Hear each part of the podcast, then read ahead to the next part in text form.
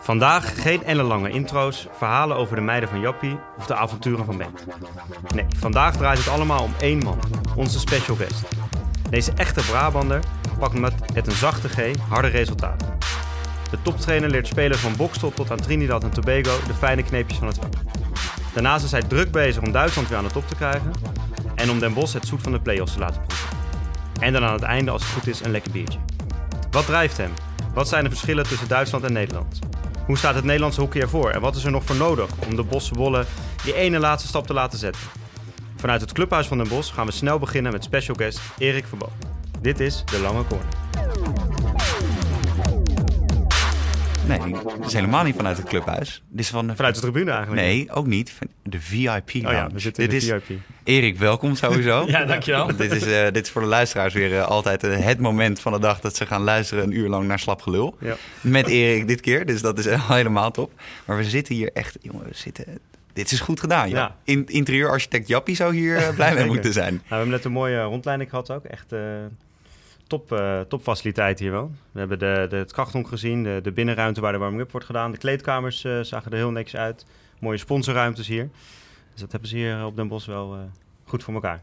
Hoe is het met je, Erik? Hoe is het om hier te werken in zulke topfaciliteiten? Dat lijkt ja, me wel dat is lekker. fantastisch natuurlijk. Ik, eh, ik heb hier van bijna alles de sleutel, dus ik kan jullie eh, naar iedere ruimte meenemen om te gaan zitten. En eh, we zitten nu in de ruimte waar wij ook wel eens met het team eh, de, de wedstrijdbespreking doen. Ja. Ja. dus van harte welkom. Ja, nee, Dankjewel. dankjewel. Want kijk, we- kunnen straks over het EK, Duitsland, Italië, alles, kan, alles gaat de revue passeren Ja. natuurlijk. We hebben zelfs wat kijkersvragen, of luister, luistervragen eigenlijk. Luisteraarsvragen, ja. Luisteraarsvragen natuurlijk, Ja. geen kijkersvragen. Nee. Maar kijk, vorig jaar begonnen wij, we begonnen een beetje stroef, weet je, we moesten een beetje op gang komen, et cetera. Maar toen kwam die competitie waar niemand iets van wist, die altijd een beetje in de luwte heeft gelegen. Hoe ben jij herfst, nee, kerstkampioen geworden? Er was een competitie, Herfstcompetitie. Herfst, herfstcompetitie. was het, ja. Ja. De, De- top secret. De top competitie. secret competitie hebben wij hem gebombardeerd. Hoe, hoe was dat? Hoe was die sfeer daar op de tribunes? Dat is, dat is gewoon, ik ben daar heel benieuwd naar. Nou, dan moet ik je als eerste heel eerlijk bekennen dat ik bij de finale zelf niet eens aanwezig ben geweest. Nou, dit is dus echt, eh Ja, dat is. Nee, dat heeft Roderick Nieman gedaan. Die heeft uiteindelijk de finale gecoacht tegen, tegen Amsterdam, die we op shootouts gewonnen hebben. Ik heb uiteraard de beelden daarna gezien. Wij hebben heel, met heel veel plezier aan die herfstcompetitie meegedaan. We misten natuurlijk ook een aantal mensen. Eh, maar ik vind dat ik altijd ook, eh, om het zo maar te zeggen, de onderkant van mijn groep moet... eh, Ja. Daar moet ik aandacht aan geven. En die- dat, kan heel, dat kon heel goed met zo'n met zo'n competitie... waarbij we gewoon toch eh, vier, vijf wedstrijden hebben kunnen spelen. Ja, en, en, maar dat viel ons ook dan een beetje tegen. Want geen plekje in de Hall of Fame gekregen daarvoor. Nee, daar zullen we toch iets meer voor moeten winnen Ja. dan alleen maar de herfstcompetitie. Wij liepen daar net, hè Jasper? Dat was een soort van eh, eindeloze eh, muur aan vrouwenfoto's. Ja. En dan moest je heel goed zoeken en dan zag je een paar mannenfoto's nog Ja, van de bot. ja, ja, ja. Maar het was wel een mooie halve Zeker, ja. Nou ja, we gaan er zo nog even over hebben hoe de, natuurlijk de mannen daar, eh, naartoe gaan. eh, daar ook moeten gaan komen. Ja, ja. Ja, er hangen wel een aantal mannenfoto's. ja. Een select aantal. Ja. Over select aantal, Jap. Hoe was jouw eh, zaterdag? Nou, eh Even heel kort hè? ja. Ja, heel kort. Heel we gaan niet te lang, want we willen natuurlijk Nee. vooral met Erik praten.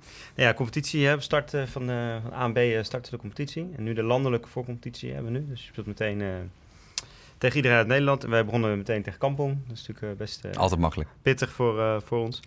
En het deed nog niet eens zo heel slecht. Maar ja, het verschil is gewoon best wel groot. Uiteindelijk werd het, werd het 5-1. Ehm, en dat is eigenlijk, eh, zeg je van, nou, we hebben nog best naar onze mogelijkheden gespeeld. En toch verlies je best wel dik. Dus dat is altijd wel, wel lastig. Het was wel, eh, ik was midden in het teamweekend van Dames 1. Dus ik was nog even op en neer eh, daarvoor. Ik had twee... eh, we hebben twee Australische meiden nu bij Dames 1. En die waren ook mee en die hadden ontgroening gehad de avond ervoor. En die coachen meisje B1. Dus die moest ik meenemen, want die moesten ook spelen. Dus die hebben de auto alleen maar eh, gesla- geslapen naar de club toe. Ja, Dus ik dacht van, nou, ik hoop dat het goed komt zo. Maar toen ging die wedstrijd dus niet door. Dat is uh, zo'n bizar verhaal. De tegenstander Twente, die eh, hadden twee auto's van hun... waren in een auto-ongeluk betrokken geraakt op de heenweg ja. naar Cartouche toe. Wel allemaal op de club aangekomen. Gelukkig. Alleen stonden op het veld. Een aantal van die speelsters waren toch wat duizelig, hadden wat hoofdpijn. Ook gewoon nog in shock. Die wedstrijd is eigenlijk afgelast. Eh, dus die Aussies konden eh, weet het onverrichte zaken weer terug, eh, terugkeren naar... hier in de buurt zaten we trouwens, in, bij Breda zaten we. Maar het was heel leuk. Dus het ging eigenlijk vooral ook, ook om het teamweekend, afgelopen weekend natuurlijk. Waar we echt wel een mooi weekend van hebben gemaakt. Maar ik begreep dat jij ook nog hebt geoefend met jouw team. Ja, nee, Heren 8 was, eh, was vlam. Nou, ja, het hele verhaal in de auto. Dat jullie Ja. zo'n goed team hadden. En acht eh, spelers die minimaal reserve hoofdklasse Ja, hadden wij hebben En- dit jaar, En. Benk dan, hè? Benk niet van die spelers. en, ik, en ik totaal Even niet. voor de duidelijkheid. Erik, voor jou weten, op hockeyclub Den Bosch hebben ze daar geen cijfers voor. Zo laag heb ik gespeeld. Zo erg is het. Ik zal niet bij de Hall of Fame hangen, maar ergens achteraf in een kamertje. Ja. Nee, ehm, nee maar wij hebben, wij hebben dit jaar echt een goed team. Jap. Ik zweer het je, vorig jaar, weet je, daar hebben heel veel luisteraars van de Lange Korn hebben natuurlijk geluisterd. Die dachten op een gegeven moment, ja, gaat Bengt ooit nog iets winnen? Weet Ja. je, behalve ziekenhuisbezoeken eh, meemaken. Eh, dat gebeurde bijna nooit. Ja. Maar ik moet zeggen, dit jaar, we hebben twee eh, gasten van Delftse Stuts 1, die vroeger Delftse Stuts 1 hebben gespeeld. We hebben oud eh Hikheren 1. We Kijk, hebben oud Huisheren 1. kijk. We hebben eh, twee jongens van Kampong En Heren jij 2. staat nu dan links op de bank? Is Ja, links op de bank en dan eh, rechtsaf en dan de tribune in en dan eh, heel veel halen. Dan een water beetje halen. coachen, Ja, ja. ja, precies. Ja. Nee, dat, maar dat, wij, wij vlammen tot nu toe. Oké, nou leuk. We hebben eerst ANVA van de mat gespeeld vorige week en nu Hurley- ons eigen Hurley tegen ja. een iets lager team van de mat geveegd. Ja. Volgende week competitietje startje tegen Fit Heren 2. Altijd lastig uit. Kijk. Thuis spelen we, dus dat is makkelijker. en dan gaan we gewoon beginnen. Ja. Ja. Ja. dus dat komt helemaal goed.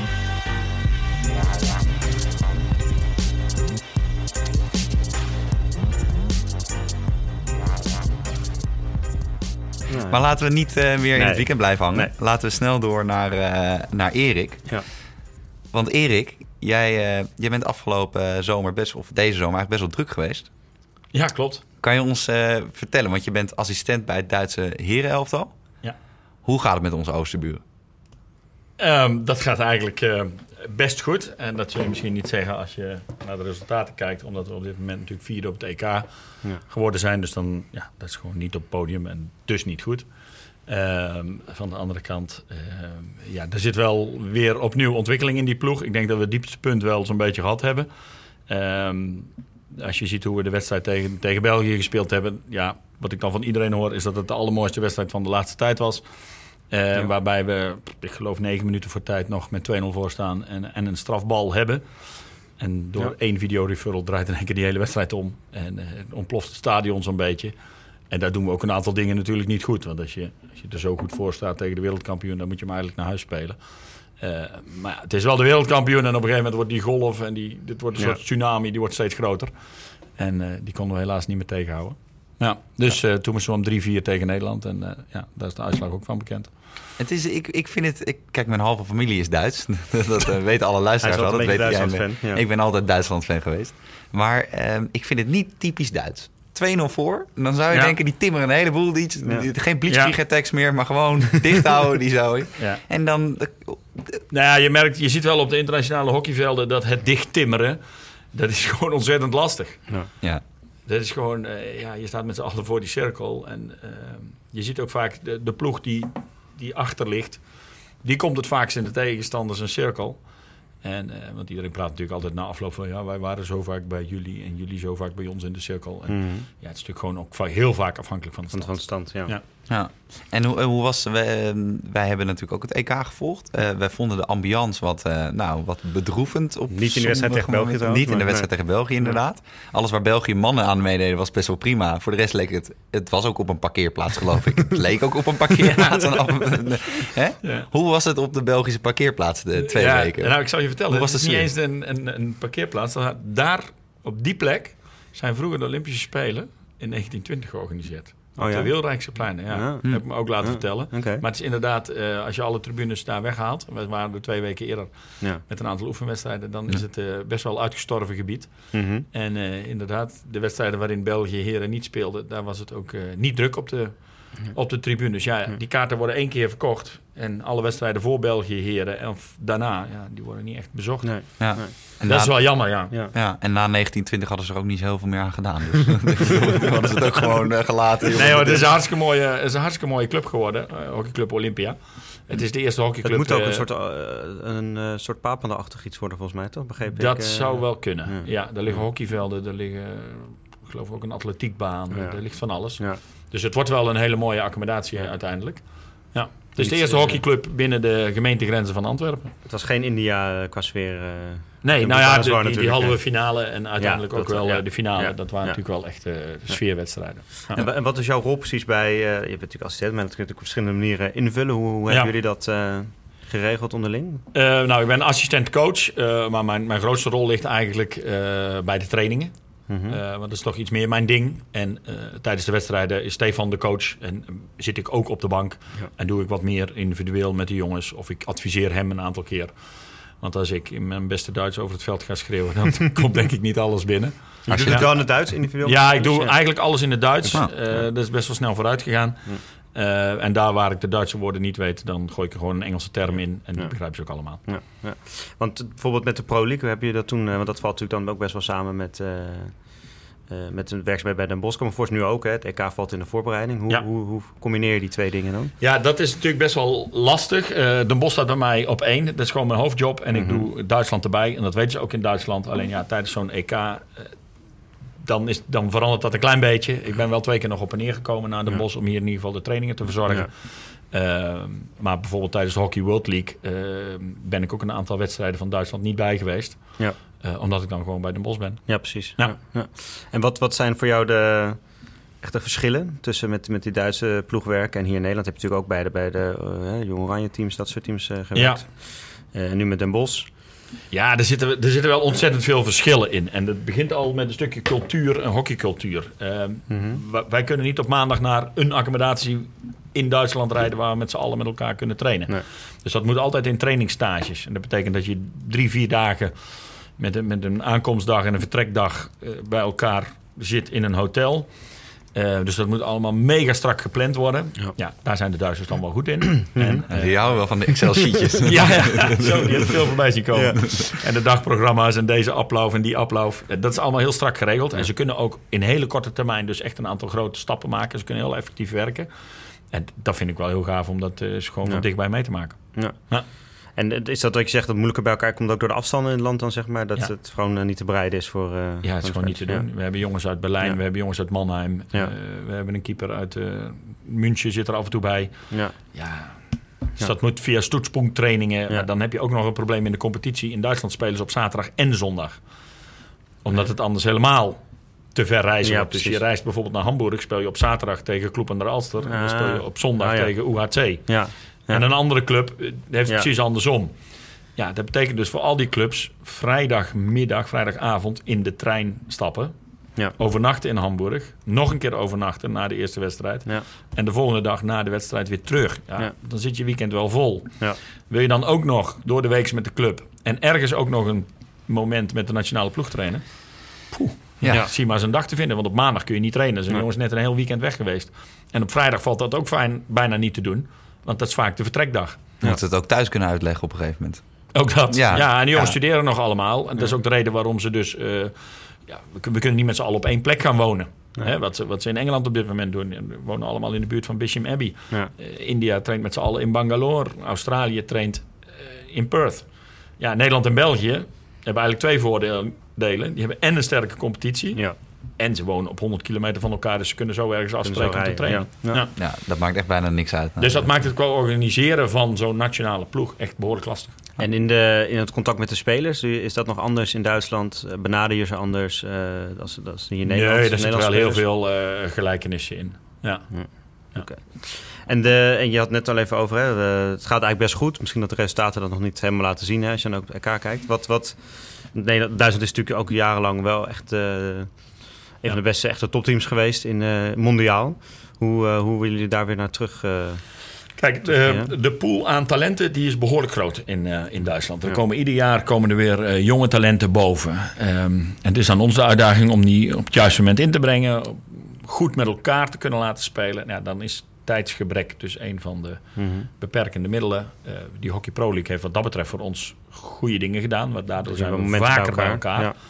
En uh, dat, dat is toch vaak voorheen wel een beetje een probleem geweest. Ja. Dus, uh, nou ja, goed. Ik kijk natuurlijk ook uh, heel erg naar het hockey inhoudelijke. En dan zie ik wel dat wij echt hele goede spelers rond hebben lopen. Ja. En, maar goed, bij België, nee, daar zijn wereldkampioen. Ja. Daar, daar, staan gewoon 16 hele goede spelers. België en een fantastische ploeg. Het, het gaat om hele kleine details. Ja.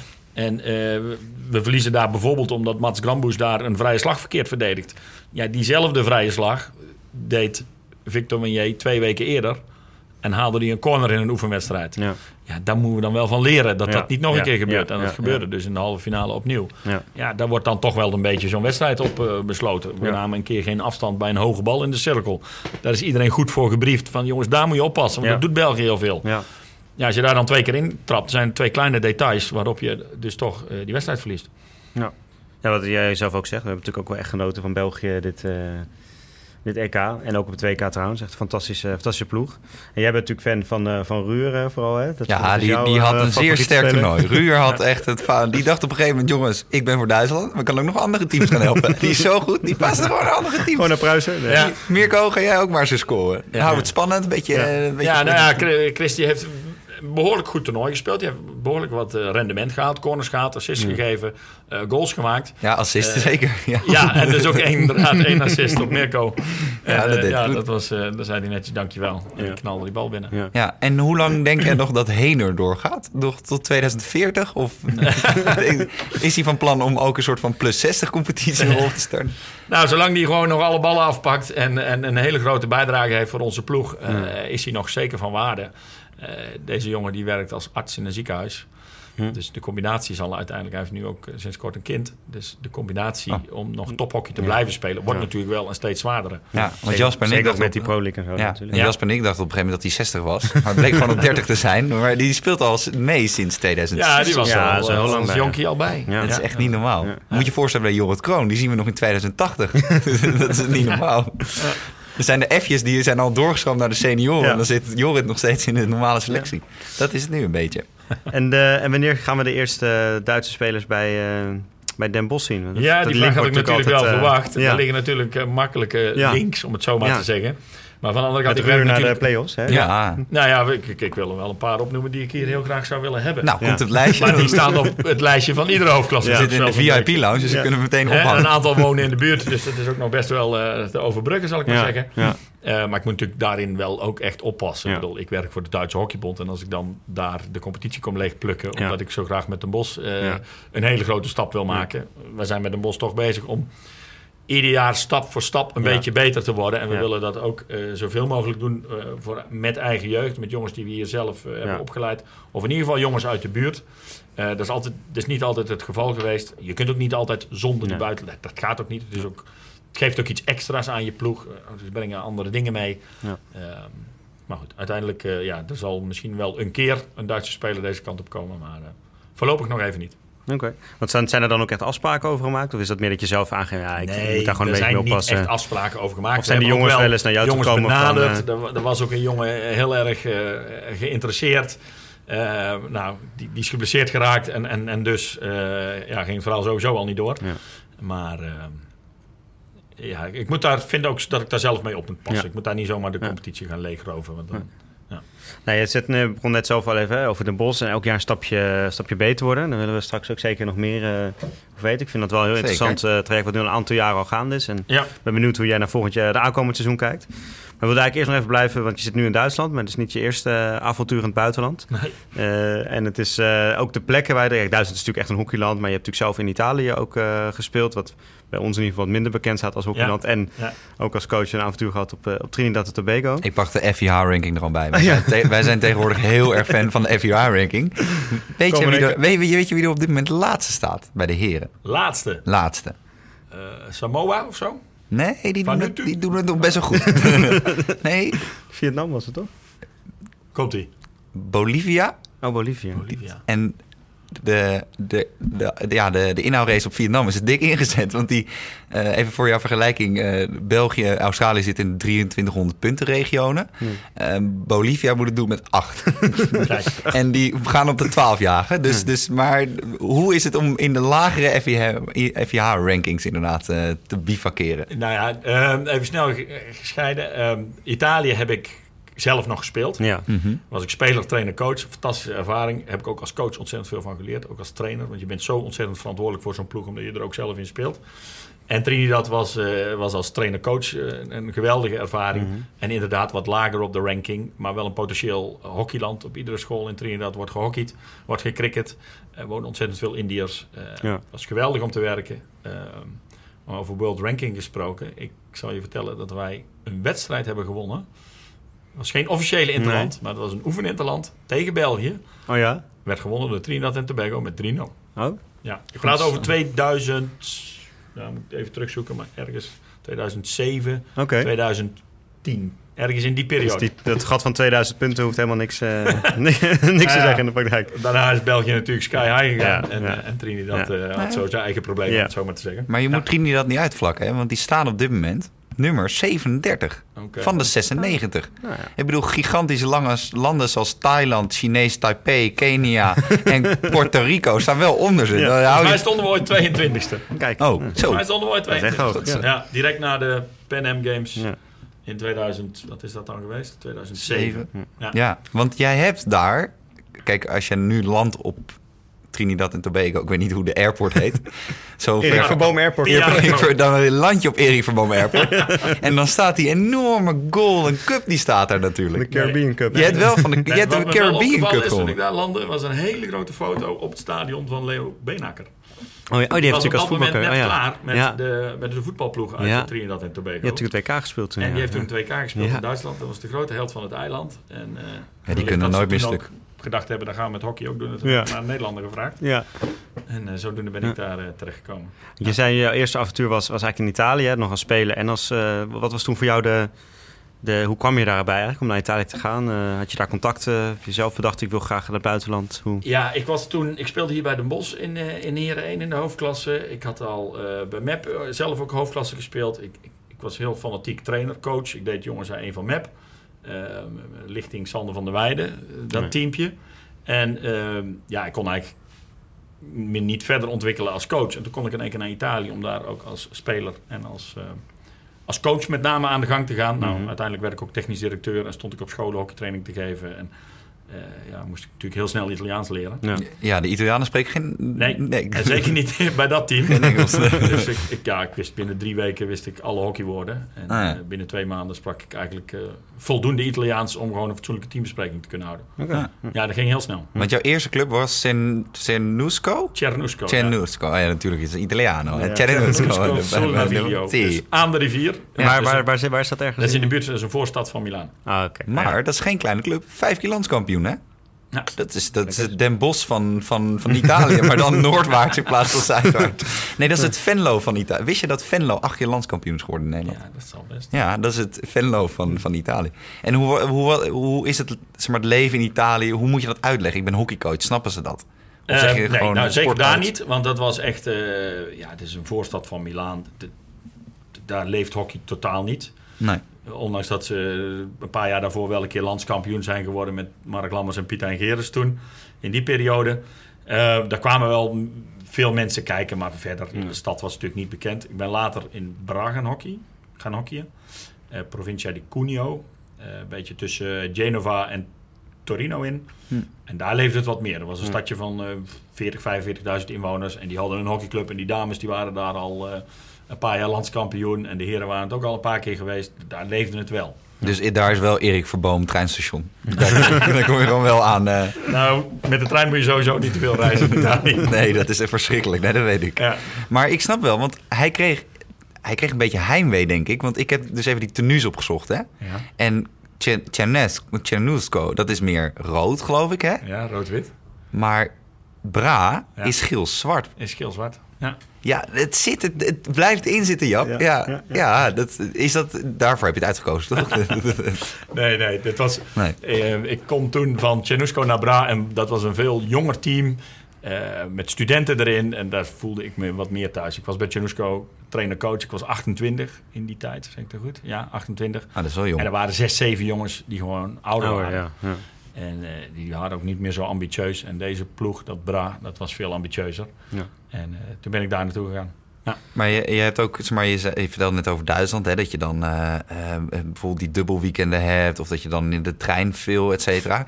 Hoe gaat dat in Italië? Want kijk, Ja. Duitsland is nog best wel een Ja. opererend sterk land. Ja, Italianen maken er vanaf Rome ongeveer echt een teringzooi van over het algemeen. Dus ik ben, Ja, dat, is wel, eh, dat zijn aparte verhalen. Daar ging je ook vaak een weekend weg. We speelden altijd op zaterdag. eh, competitie en de dames speelden op zondag. Ja, de uitwedstrijd naar Catania, die was 1600 kilometer naar het zuiden. Dat is, Terug naar huis was 950 kilometer naar het noorden. Ja. ja. En dat waren dus, eh, nou, je kon ook niet vliegen van Torino naar, eh, naar Catania. Dus dan moesten we eerst van Torino, dan moesten we dan 's ochtends om vijf uur al zijn.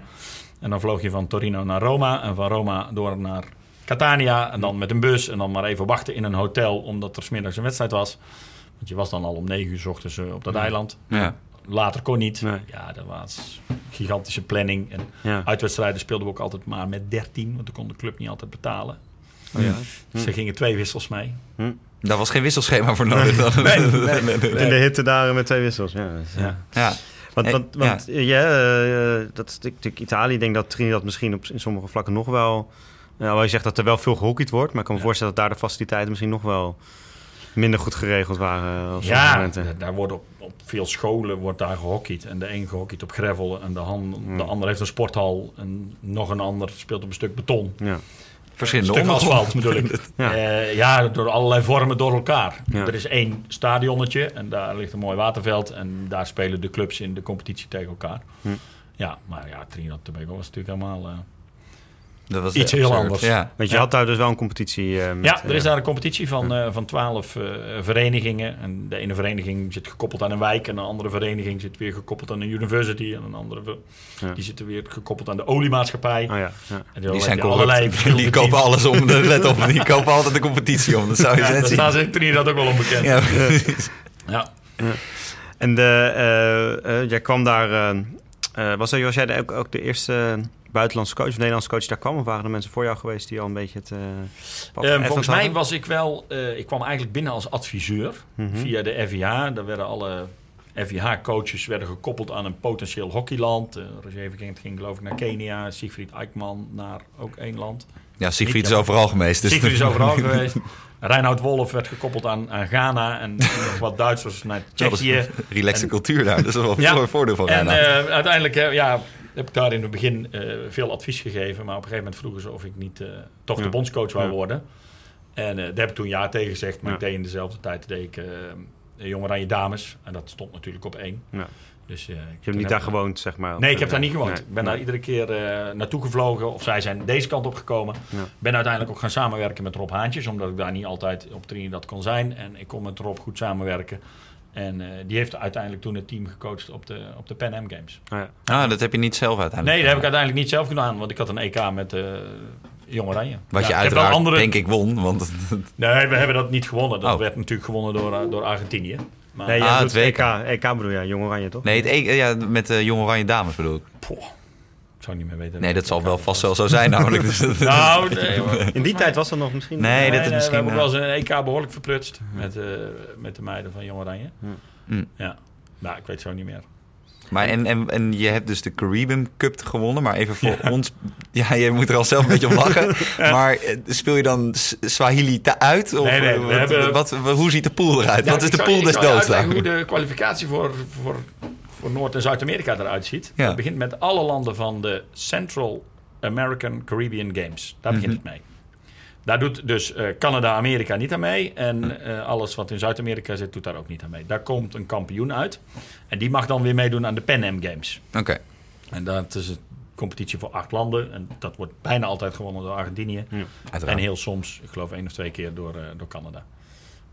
Hm. Maar toen hadden we nog een hele andere kwalificatie. Toen had je nog in Hockey World League of zoiets. En Rob is toen met zijn team vierde geworden. En dat betekende dat we mee mochten doen aan een Olympisch kwalificatietoernooi. En dan wordt het En wel... dat was eh, natuurlijk al ja. iets wat ze al helemaal niet verwacht Nee. hadden. nee. En dat hadden ze natuurlijk ook qua financiën totaal niet verwacht. Bleek dat toernooi ook nog eens in Nieuw-Zeeland te zijn. Dus die oliemaatschappij opgebeld. Ja. dat is wel waar je eh, naartoe moet. toen zijn ze uiteindelijk, eh, ja, Rob en ik hebben toen een fantastisch mooi programma proberen samen te stellen met eh, nationale teams die naar Trinidad konden komen. Die zouden we daar hosten. Daar zouden we oefenwedstrijden tegen spelen om toch ook een beetje reuring op het eiland te krijgen. Ja. Want er is best wel een hoop enthousiasme voor hockey. Alleen we spelen natuurlijk heel vaak in andere landen en niet op het eiland zelf. Nee. En eh, ja, dat hebben we niet echt van de grond gekregen. We hadden financieel weinig hulp. En die jongens Ja. moesten naar Nieuw-Zeeland voor de kwalificatietoernooi. En we zouden over Maleisië reizen en dan zouden we daar oefenwedstrijden spelen. Nou, dat is geloof ik ook nog wel gebeurd, want ik ben uiteindelijk zelf niet meer meegegaan, omdat ja, Ja. Ik ga mijn naam niet verbinden aan een team wat Nee. op het laatste moment Nee. zijn, zijn tickets voor elkaar heeft, zijn, visa voor elkaar Nee. heeft. En toen zijn ze dus Eh, daar naartoe gegaan. Ik geloof dat acht uur voor de wedstrijd, de eerste wedstrijd, kwamen de laatste spelers binnen. Goede Ja, voorbereiding. Ja, dat. Dat klinkt als heren 8. Ja, maar dat is- ja, die komen acht uur van... Acht, acht uur Nou. Jij bent nee, acht uur van zo. Kom je thuis uit de stad waarschijnlijk? Nee, Acht uur acht voor de minuten voor de... er zijn wel eens mensen acht minuten voor de wedstrijd van de stad teruggekomen. Ja. En dat is natuurlijk het contrast, hè, we hadden het net al over waar we nu hier zitten, waar alles eh, echt top geregeld is. natuurlijk wel vrij groot.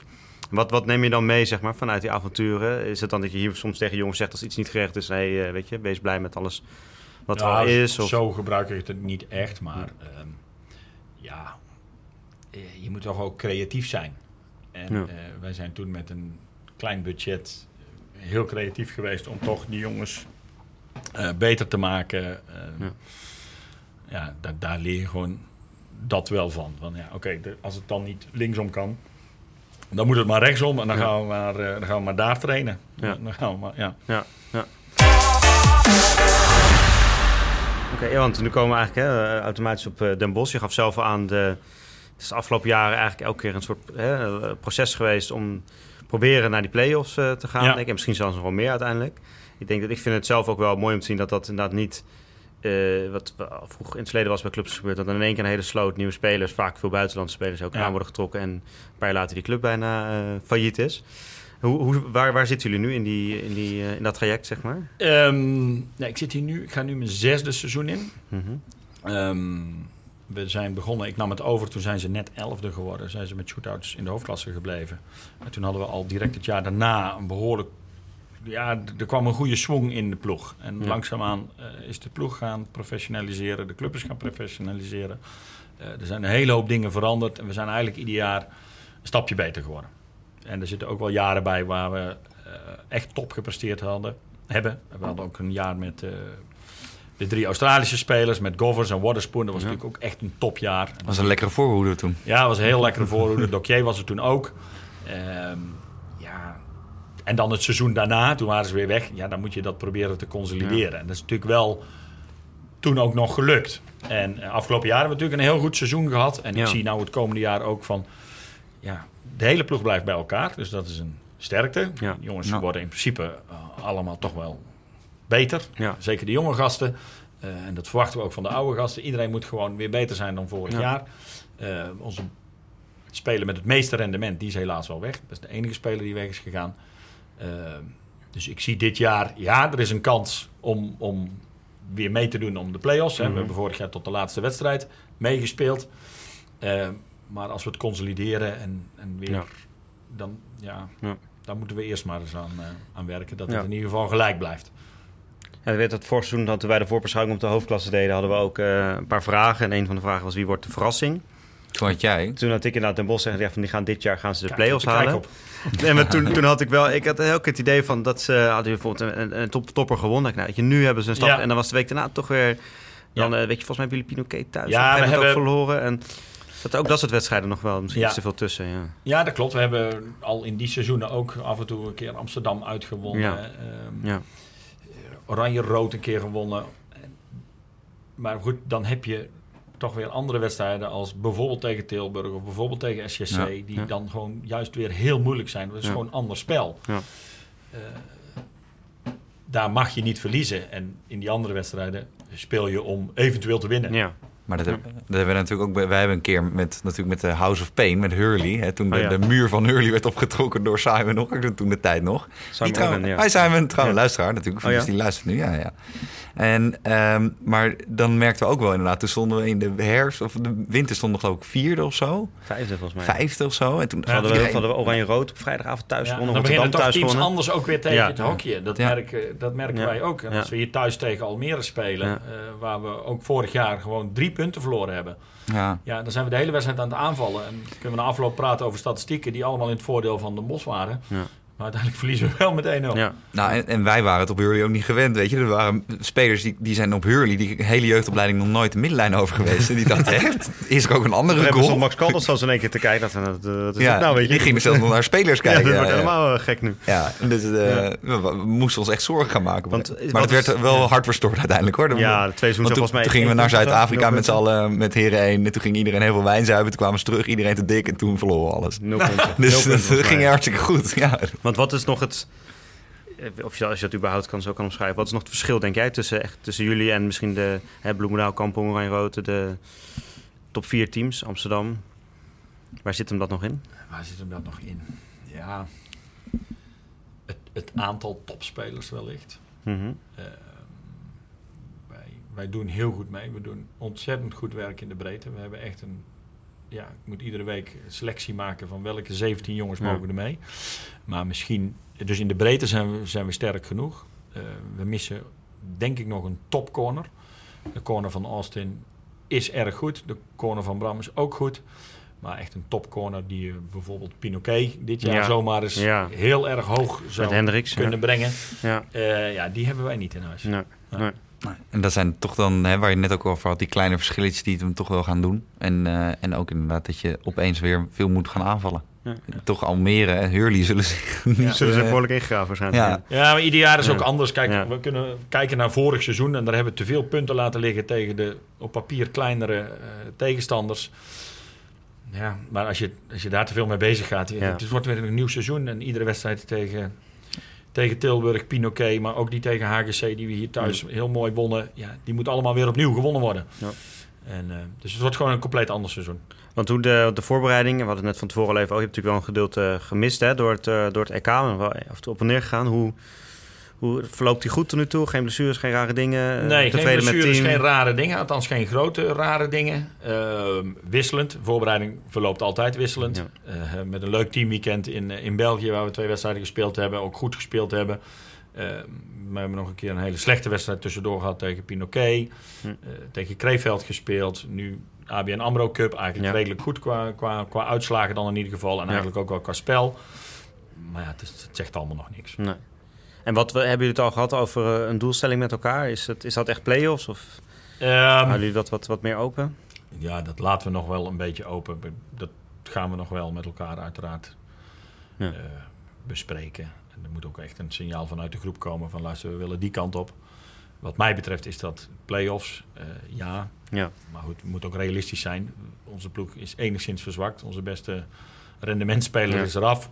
Eh, althans, die op alle vier de vlakken eh, rendement haalde. Eh, we hebben nog steeds een hoop topspelers, jeugdspelers die echt veel beter worden. Maar ja, een paar jongens die aan oranje hebben geroken ondertussen. Ja. wat, wat Ja. jongens. Ja. Ja. Maar kijk ik om me heen en ik zie wat andere teams er allemaal weer bij krijgen. Dan denk ik, ja, dat zijn wij niet. Nee. En als dat een voorwaarde is voor play-offs, ja, dan, dan wordt het heel lastig. Maar Ja. we, we gaan in ieder geval wel de strijd aan. Ja. En het, eh, denk je dat het Olympisch jaar nog iets gaat uitmaken? Want we zitten natuurlijk. Het, dit is het jaar dat weer er wordt opgebouwd naar dat Olympische seizoen toe.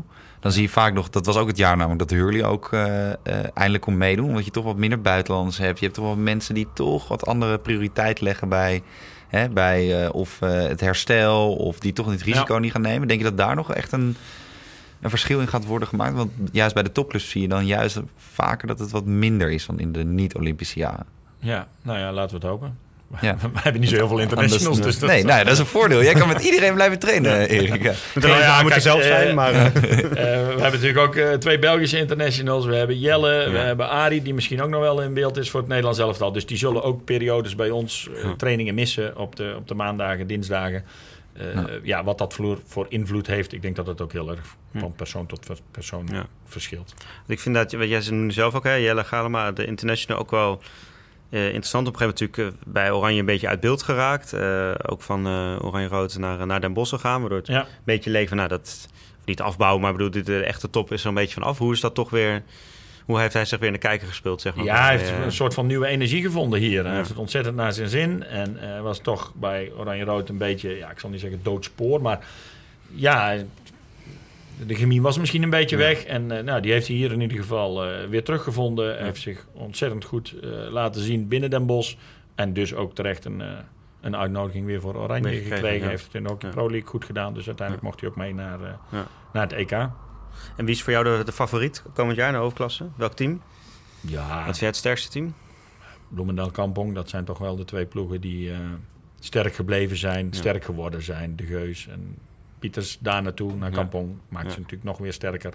Breder ook. Ja. Eh, ja, maar ik denk ook dat Bloemendaal eh, goede spelers weer binnen heeft gehaald. Nee, ja, eigenlijk het, het laatste eh, onderwerp waar we het graag wel met jou over wilden hebben. Eh, je zegt, zei het net zelf ook al even, ik ben eigenlijk misschien meer een trainer nog als dat ik een, eh, een coach ben. Natuurlijk eh, vaak op, eh, ook op social media, op andere plekken, veel eh, filmpjes van jou. Je vertelde ook over hoe warming-up, dat je allemaal leuke oefeningetjes en, zo- en zo doet. Ja. Hij is nog veel meer een cameraman dus eigenlijk. Ja, ook nou, nog, ja. het- is Erik Verboom, broadcasting. Ja. dat is wel een beetje Erik. En ik weet volgens mij ook wel eens, misschien zeggen als ik niet klopt hoor wat ik zeg, maar volgens mij heb je ook wel eens de, de filmpjes van de Bond die dan nog oefeningen of dingen die met, met jou of door jou nog zijn gemaakt. ja, eh, dat zou volgens kunnen, mij. ja. ja. Wat, wat, waar, waar haal je die, die inspiratie vandaan? Zeg, Wat maakt voor jou trainen zo, zo leuk?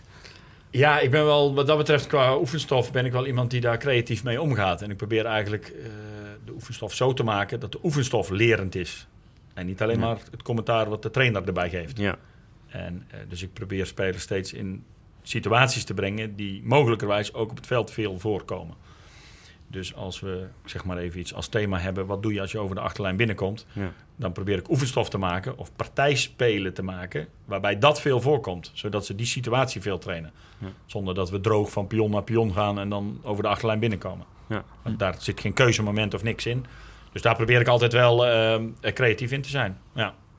Hoe vind, je dan, hoe vind je dan dat het niveau qua, qua trainingen, maar ook qua, qua wedstrijden spelen? We hebben net een beetje gehad natuurlijk ook met jou, met Italië en Trinidad uit je comfortzone.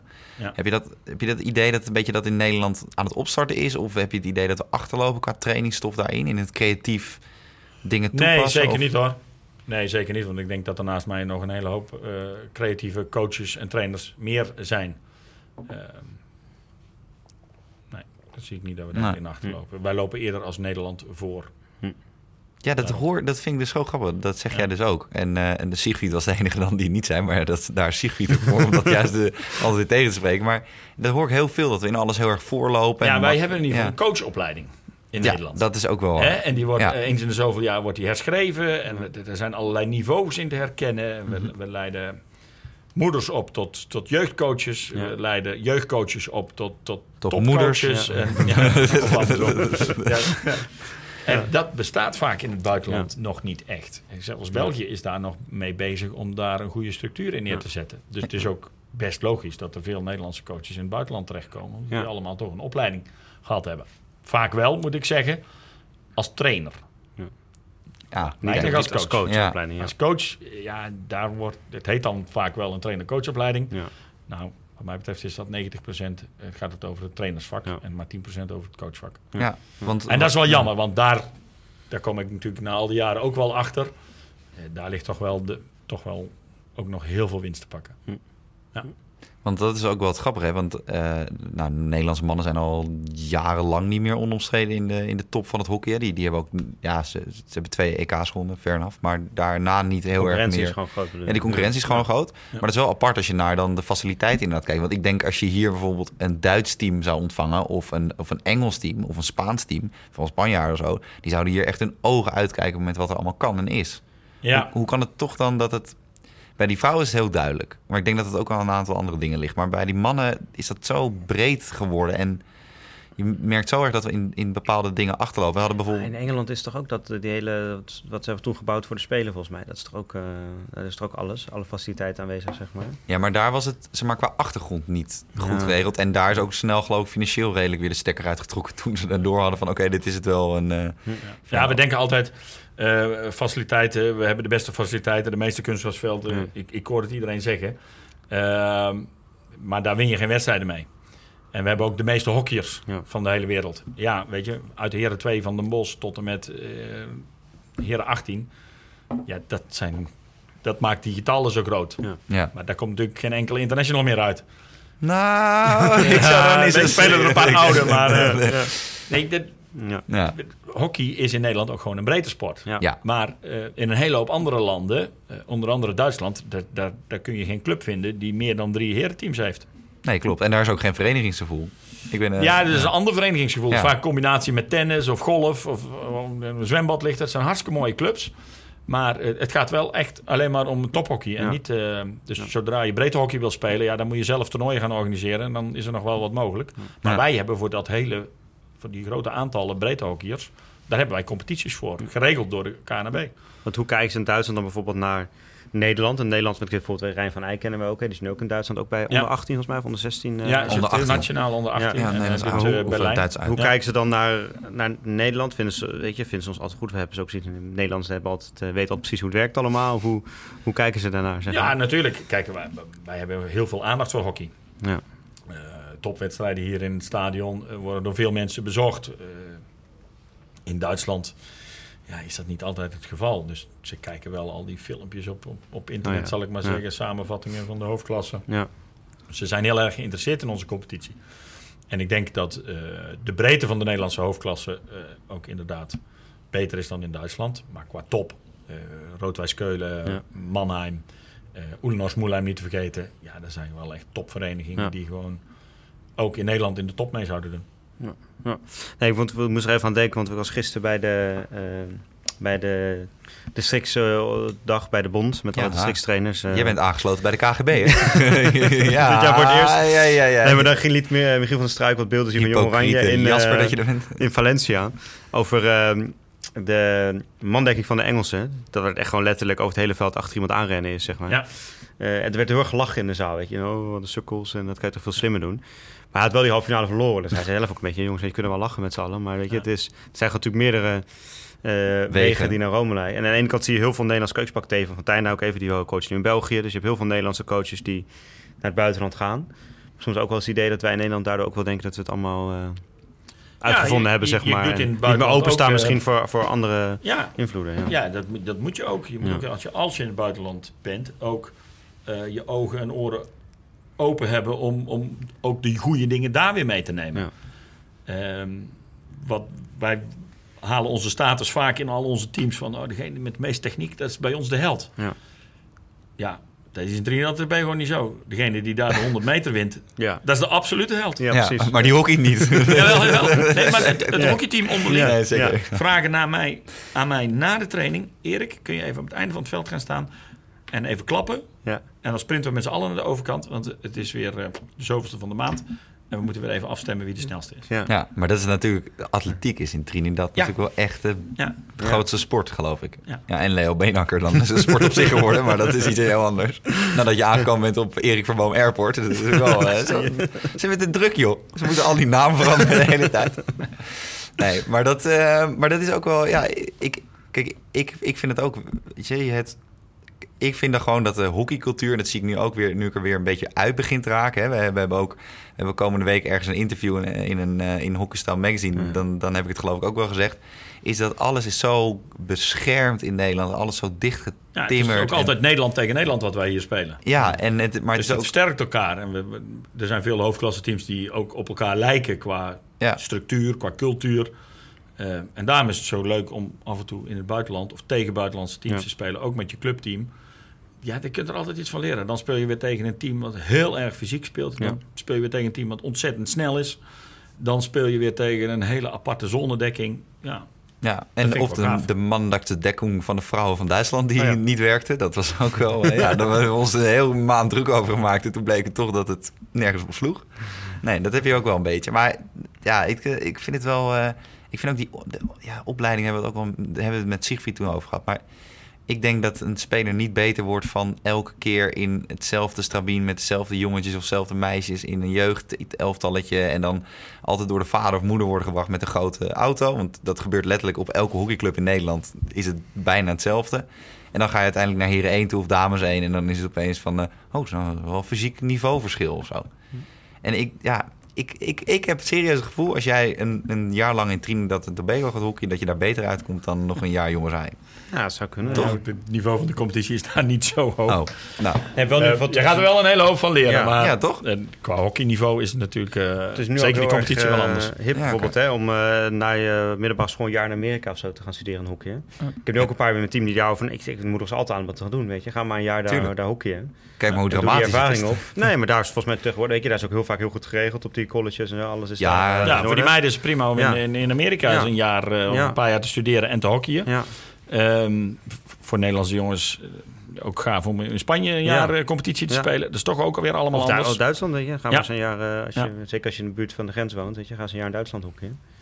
Ja, anders dan zit je bij Twente hockeyclub en gaat je wedstrijd de hele tijd niet door als je tegen Cartouche hockey. Dat is je wel- geen grap over Nee, was niet... eh, Nee, ik maak er geen grap over. Is Maar goed.